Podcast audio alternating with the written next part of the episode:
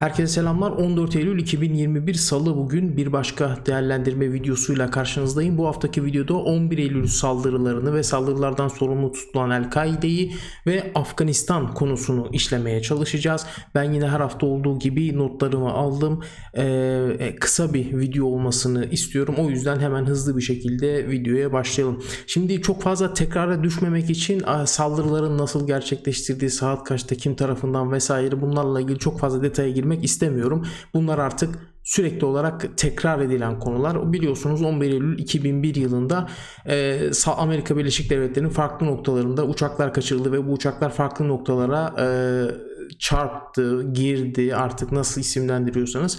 Bunlarla ilgili çok fazla komplo teorileri de üretildi aslında uçaklar yoktu filan oradaki işte ikiz kuleler dünya ticaret merkezi e, kendiliğinden yıkıldı filan bunun gibi çok fazla teoriler üretildi. Tabii ki bu konulara girmeyeceğiz. Ben hemen e, saldırılar sonrası biliyorsunuz o dönem e, Oğul Bush dönemiydi Amerika Birleşik Devletleri'nde ve e, Af- Afganistan'daki El-Kaide yapılanmasını Usama Bin Laden'i bu saldırılardan sorumlu tuttu ve e, ilk başta e, Usama Bin Laden'i Afganistan'dan iadesini de talep ettikleri ifade ediliyor ve ancak e, işte çok meşhur bazı ifadeler var bununla ilgili. O zaman Taliban'ın e, kurucu lideri Molla Muhammed Ömer'in e, Usama meselesinin şahsi bir mesele olmadığını, bunun İslam'ın genelini ilgilendiren bir mesele olduğunu ve iade etmeyeceğini açıkladı.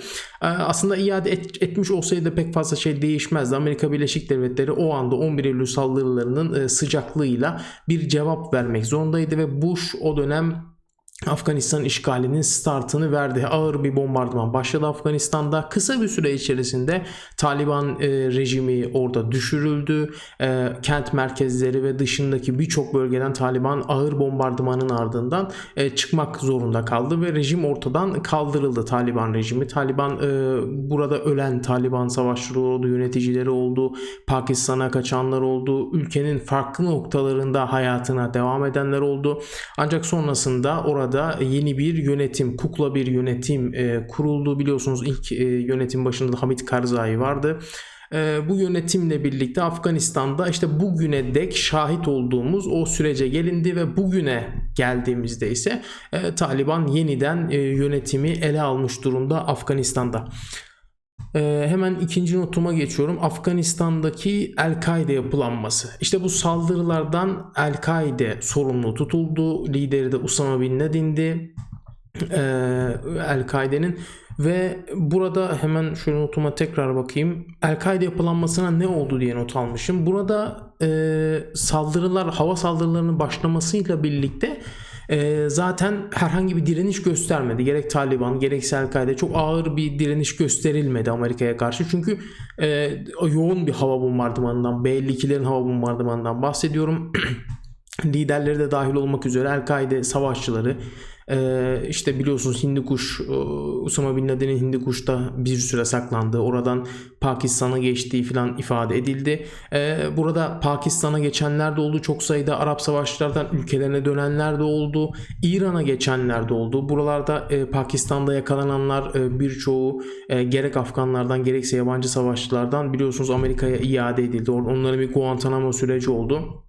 Bu süreç içerisinde tabii ki e, en fazla e, El-Kaide savaşçıları en fazla e, kabile bölgelerinde kalarak biraz daha orası hükümetin etki alanının dışındaki bir bölge olduğu için isminden de anlaşılacağı gibi kabileler tarafından yönetilen bölge olduğu için o bölgede kalmayı tercih ettiler ve o bölgede varlıklarını devam ettirdiler. Tabii ki bu süreç içerisinde e, Taliban da yeniden bir yapılanma sürecine gitti. Geri çekildi ancak 2006-2007'lerde artık yeniden aktif bir şekilde e, Afganistan'daki ABD üslerine yönelik saldırılar gerçekleştirmeye başlamıştı Taliban. Tabii ki işte o geçmiş dönemde dediğim kabile bölgesine giden El-Kaide savaşçıları vesaire de onlar da bu süreç içerisinde oldukça aktiflerdi Afganistan'da. E, aktif olduklarını biliyoruz yani haberlerden vesaire. Ee, sonrasında Obama dönemini ben not almışım. Obama dönemi e, burada e, El-Kaide'ye e, belki de bölgede verilmiş en büyük zarar Obama döneminde verildi. Biliyorsunuz insan sava araçlarının en aktif kullanıldığı dönemdi e, Obama dönemi. Gerek Yemen'de gerek e, Somali'de farklı bölgelerde Afganistan'da insan sava araçları El-Kaide yönelik aktif bir şekilde kullanıldı ve bununla birlikte El-Kaide'nin birçok lider ismi özellikle e, 2011-2012 yıllarında artık birçok lider ismi bölgedeki kabile bölgelerinde olsun gerekse Afganistan'da olsun ABD'nin insan sava araçları saldırılarında e, öldürülmüştü. E, o yüzden aslında burada şöyle de bir parantez açmamız lazım. Amerika Birleşik Devletleri'nin Afganistan'dan çekilme olayı e, çok yeni değil. Yani 2011-2012 dönemlerinde artık El-Kaide'yi de büyük oranda zarar verdikleri için Afganistan'dan çekilmeye yönelik arayışlar içerisinde olduğu, Taliban'la bir şekilde müzakere kurma, e, müzakere yürütme arayışı içerisinde olduğunu e, biz biliyoruz. E, ancak tabii ki bu süreç uzadı, uzadı, uzadı ve 2021'e kadar geldi ve şu anda yaşadığımız süreci zaten söylemeye gerek yok. Burada e, El-Kaide'nin e, 2011'de büyük oranda bölgede etkisiz hale geldiğini not almışım. Çünkü çok fazla insan sava araçları saldırılarından bahsettik. Bunu özellikle Pakistan medyasında, Afganistan'da vesaire çok fazla gündem oldu. Sivil kayıpları e, yaşandığı için. Asıl gelmek istediğim konu bundan sonrası. Yani El-Kaide'nin farklı bölgelerdeki yapılanmaları. Şimdi bu konuya bu konuya e, geçerken hemen şurada e, El-Kaide kaynaklarının yayınlamış olduğu bir harita var. Şimdi Afganistan'da e, bu saldırılar başladığında e, ilk 2001'den bahsediyorum. El-Kaide gerçekten büyük oranda lider kadroları farklı yerlere gitti. İran'da yakalananlar, ev hapsinde kalanlar onlardan bir tanesinde ilerleyen dakikalarda zikredeceğiz ismini işte kendi memleketlerine dönenler, kendi ülkelerine dönenler mesela Yemen'e, Suudi Arabistan'a, Tunus, e, Cezayir buralara dönenlerde e, oralardaki yeni El-Kaide yapılanmalarının temellerini oluşturdular. Bunları biliyoruz. E, mesela bunlar içerisinde şu anda en aktif olan, aktif derken yani El-Kaide'nin merkezi diyebileceğimiz e, şu anda Yemen e, bunlardan bir tanesi. Zamanında Afganistan'da olan isimler Yemen'e geçtiklerinde e, kimisi iş, ABD işgal öncesindeki süreçte geçti, kimisi işgal sonrası süreçte geçti. Ancak orada e, El-Kaide'nin Arap yapı Arap Yarımadası denilen e, yapılanmayı teşkil ettiler ve e, şu anda da dikkat ederseniz El-Kaide herhangi bir saldırı yabancı ülkelerde bir saldırı olduğu zaman Afganistan üzerinden değil Yemen üzerinden bu saldırıları üstlenir. Hmm, şimdi farklı bölgelerdeki yapılanmaları bu harita dediğim gibi El-Kaide kaynaklarının servis ettiği, propaganda kaynaklarının servis ettiği bir harita. Burada baktığınız zaman şu konum işaretleri ee, şu konum işaretleri El-Kaide'nin yapılanmalarının bulunduğu, bulunduğu yer olarak iddia ediliyor. Ee, şimdi baktığımızda e, Hint alt kıtası var. E, Belucistan, Horasan bölgesi demiş. E, işte İran'ı burada görüyoruz. Belucistan'da gene yapılanmalarını göstermişler. Türkiye'nin olduğu bölgeden de Anadolu beldesi olarak bahsedilmiş. Şam bölgesi yine burada varlık e, görünüyor. E, işte biraz daha batı Sina Yarımadası var. Ee, en etkin olduğu bölgelere gelecek olursak Doğu Afrika ardından burası da Kenya galiba Kenya sınırı Kenya içerisindeki bir bölge. Hemen e, kuzeye çıkıyoruz Maghrib el İslamiye, İslam Maghrib el Kaidesi dediğimiz bölge Tunus ve Cezayir'e e, burada var. E, hemen aşağılara indiğimizde de Batı Afrika, e, Mali, Burkina Faso, Nijer, ee, o bölgeler burada Orta Afrika ve Batı Afrika bölgeleri dikkatimizi çekiyor. En fazla da bu bölgeler üzerinde duracağız zaten. Yani 11 Eylül saldırılarının ardından El-Kaide e, bir dağılma yaşadı. Evet lider kadrosu büyük oranda yok oldu ancak baktığınız zaman e, bugün dünyanın farklı noktalarına baktığınız zaman özellikle Batı Afrika, Doğu Afrika, Afrika kıtasında özellikle e, varlığını büyük oranda genişlettiğini görüyoruz El-Kaide'nin. Burada da Batı Afrika'daki El-Kaide ve IŞİD rekabeti ismi altında biz bir harita hazırlamıştık. Burada gördüğünüz gri noktalar IŞİD bağlantılı yapılanmalar. Maviler ise El-Kaide. Bugün baktığınız zaman Mali, Moritanya sınırında, Burkina Faso hatta şuradan biraz batıya indiğimizde fil dişi sahillerinde de bir yapılanması olduğunu biliyoruz. E, yani burada e, Batı Afrika'da hemen şu haritayı açtığım zaman daha net anlaşılacaktır. Burada e, bir yapılanma işte e, dan, bir yapılanmadan bahsetmek mümkün. Nedir bu yapılanma?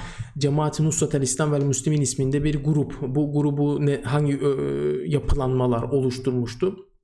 Bunlardan biraz bahsedecek olursak Ebu Musab Abdülvedud yani El-Kaide'nin e, bölgedeki İslam Maghrib El-Kaide'sinin Cezayir'deki çok önemli isimlerinden biri. Bir projesi vardı uzun süredir bölgedeki grupları tek bir çatı e, örgüt altında e, toplamak istiyordu ve Nusret el-İslam vel Müslimin grubu mesela bunların içerisinde Ensaruddin grubu vardı. Tevhid ve Cihad Cemaati, El Murabitun Ketibet-i Serma, Ketibet-i Mecina ve e, Ensarul İslam grupları tek bir çatı altında birleşerek e, Cemaat-i Nusrat İslam ve Müslimin yapılanmasını oluşturdular ve şu anda Mali merkezli olmak üzere oldukça a, aktif durumda olduklarını söylemek mümkün. Peki burada IŞİD'le ilgili parantez açmak gerekiyor. Hemen burada gördüğünüz Nijer, Mali sınırındaki bölgede IŞİD'in de bir etkinliği mevcut ve son dönemlerde oradaki El-Kaide yapılanmalarıyla bir çatışmaya girdiklerini biliyoruz. Eskiden de varlıklarını sürdürüyorlardı ancak pek birbirlerine karışmıyorlardı. Ancak sonrasındaki süreçte özellikle geçen sene ve bu sene e, bölgeden farklı çatışma haberlerinin geldiğini görüyoruz.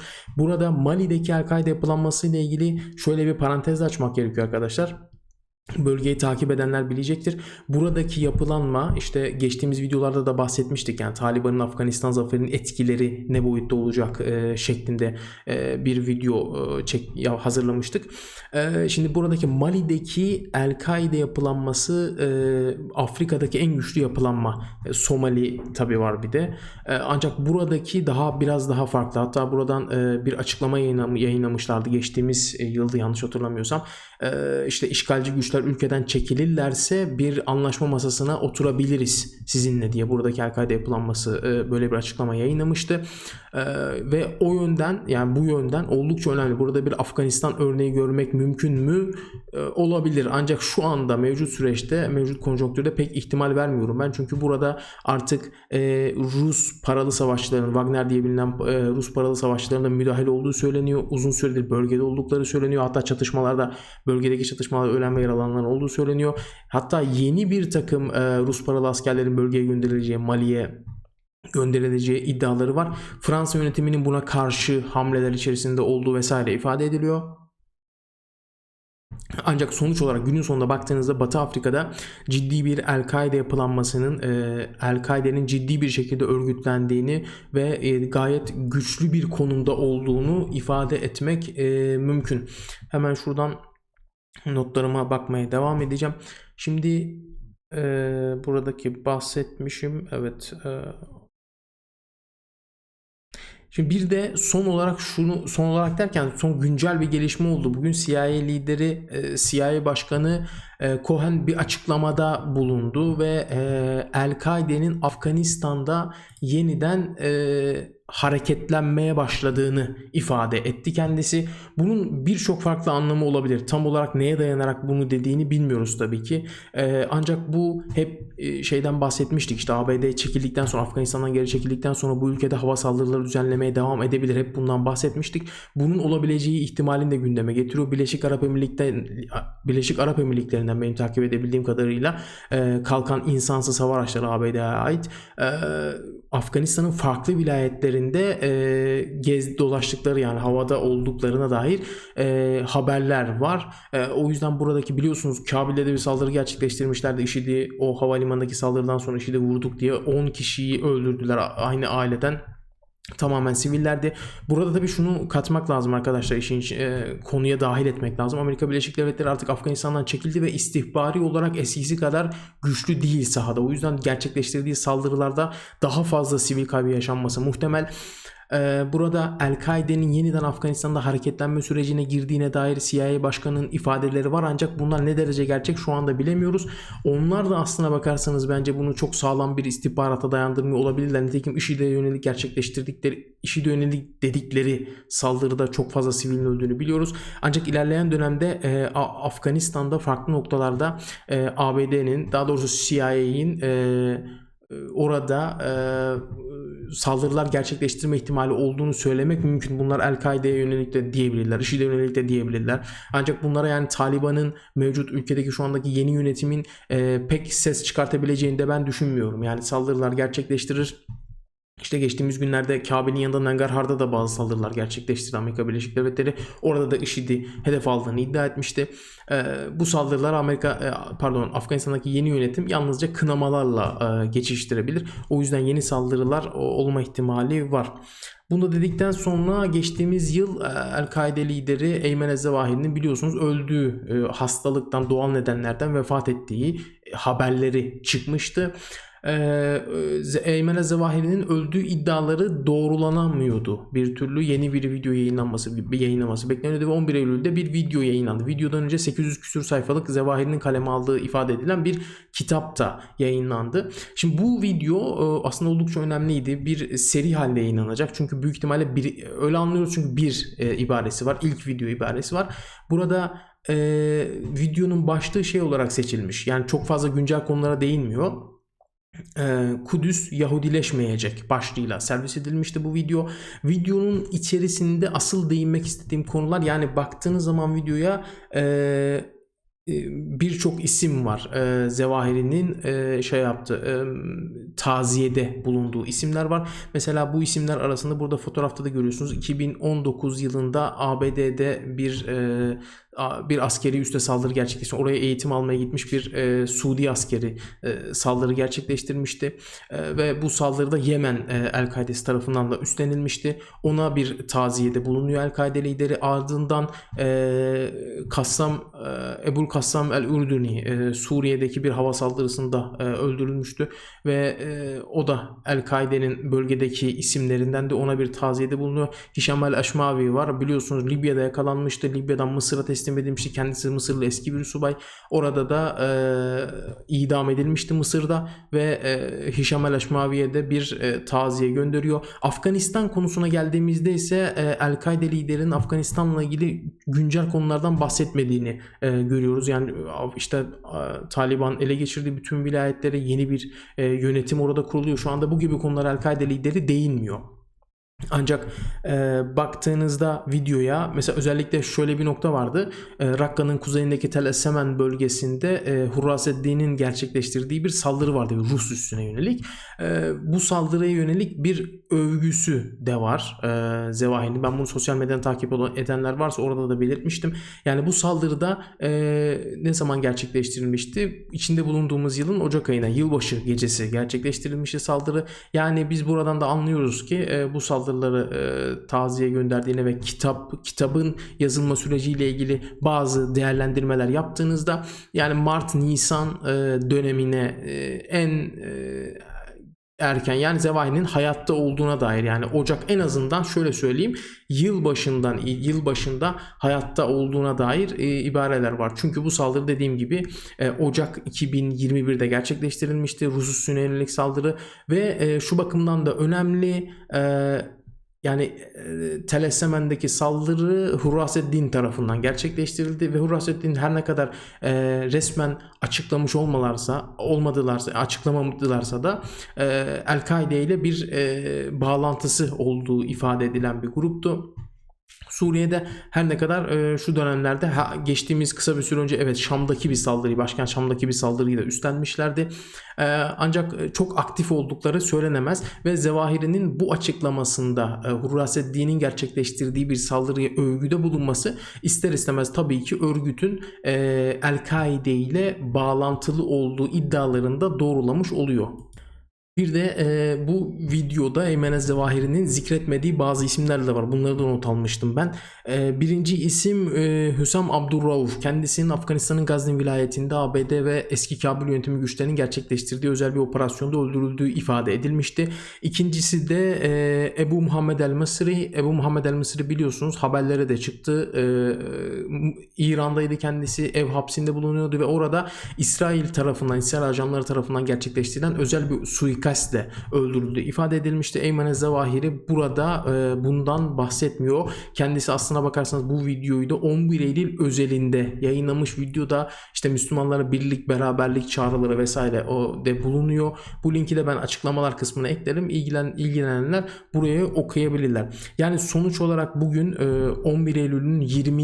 yılında 20. yıl dönümünde e, bir baktığınızda e, durum ne halde diye. Amerika Birleşik Devletleri'nin sadece Afganistan'da değil farklı bölgelerde de yani ben burada Doğu, e, süreyi çok uzatmak istemediğim için Doğu Afrika'daki mesela Somali'den bahsetmedim. Bildiğiniz gibi Somali'deki ABD kara kuvvetleri oradan çekildi. Karada bir unsuru kalmadı. Yani e, 11 Eylül'ün üzerinden 20 sene geçip o kadar para harcanmış olmasına rağmen Amerika Birleşik Devletleri'nin artık e, girdiği bölgelerde mesela Somali'de var bunun için Afganistan'da bu bölgelerde başarısız olduğu, bir yenilgiye uğradığı gerçeği de ortada. Yani bugün baktığınızda e, 11 Eylül'le 11 Eylül'den sorumlu tutulan El-Kaide'nin Afganistan'da evet zayıflamış olabilir. Neredeyse bitmiş olabilir oradaki yapılanması. Ancak Batı Afrika'ya baktığınızda bugün hiçbir zaman olmadıkları kadar Af- e, Afrika kıtasında güçlü haldeler. Sadece Batı Afrika'da da değil Doğu Afrika'da da e, ciddi bir e, Somali'den bahsediyorum. Ciddi bir güçleri söz konusu.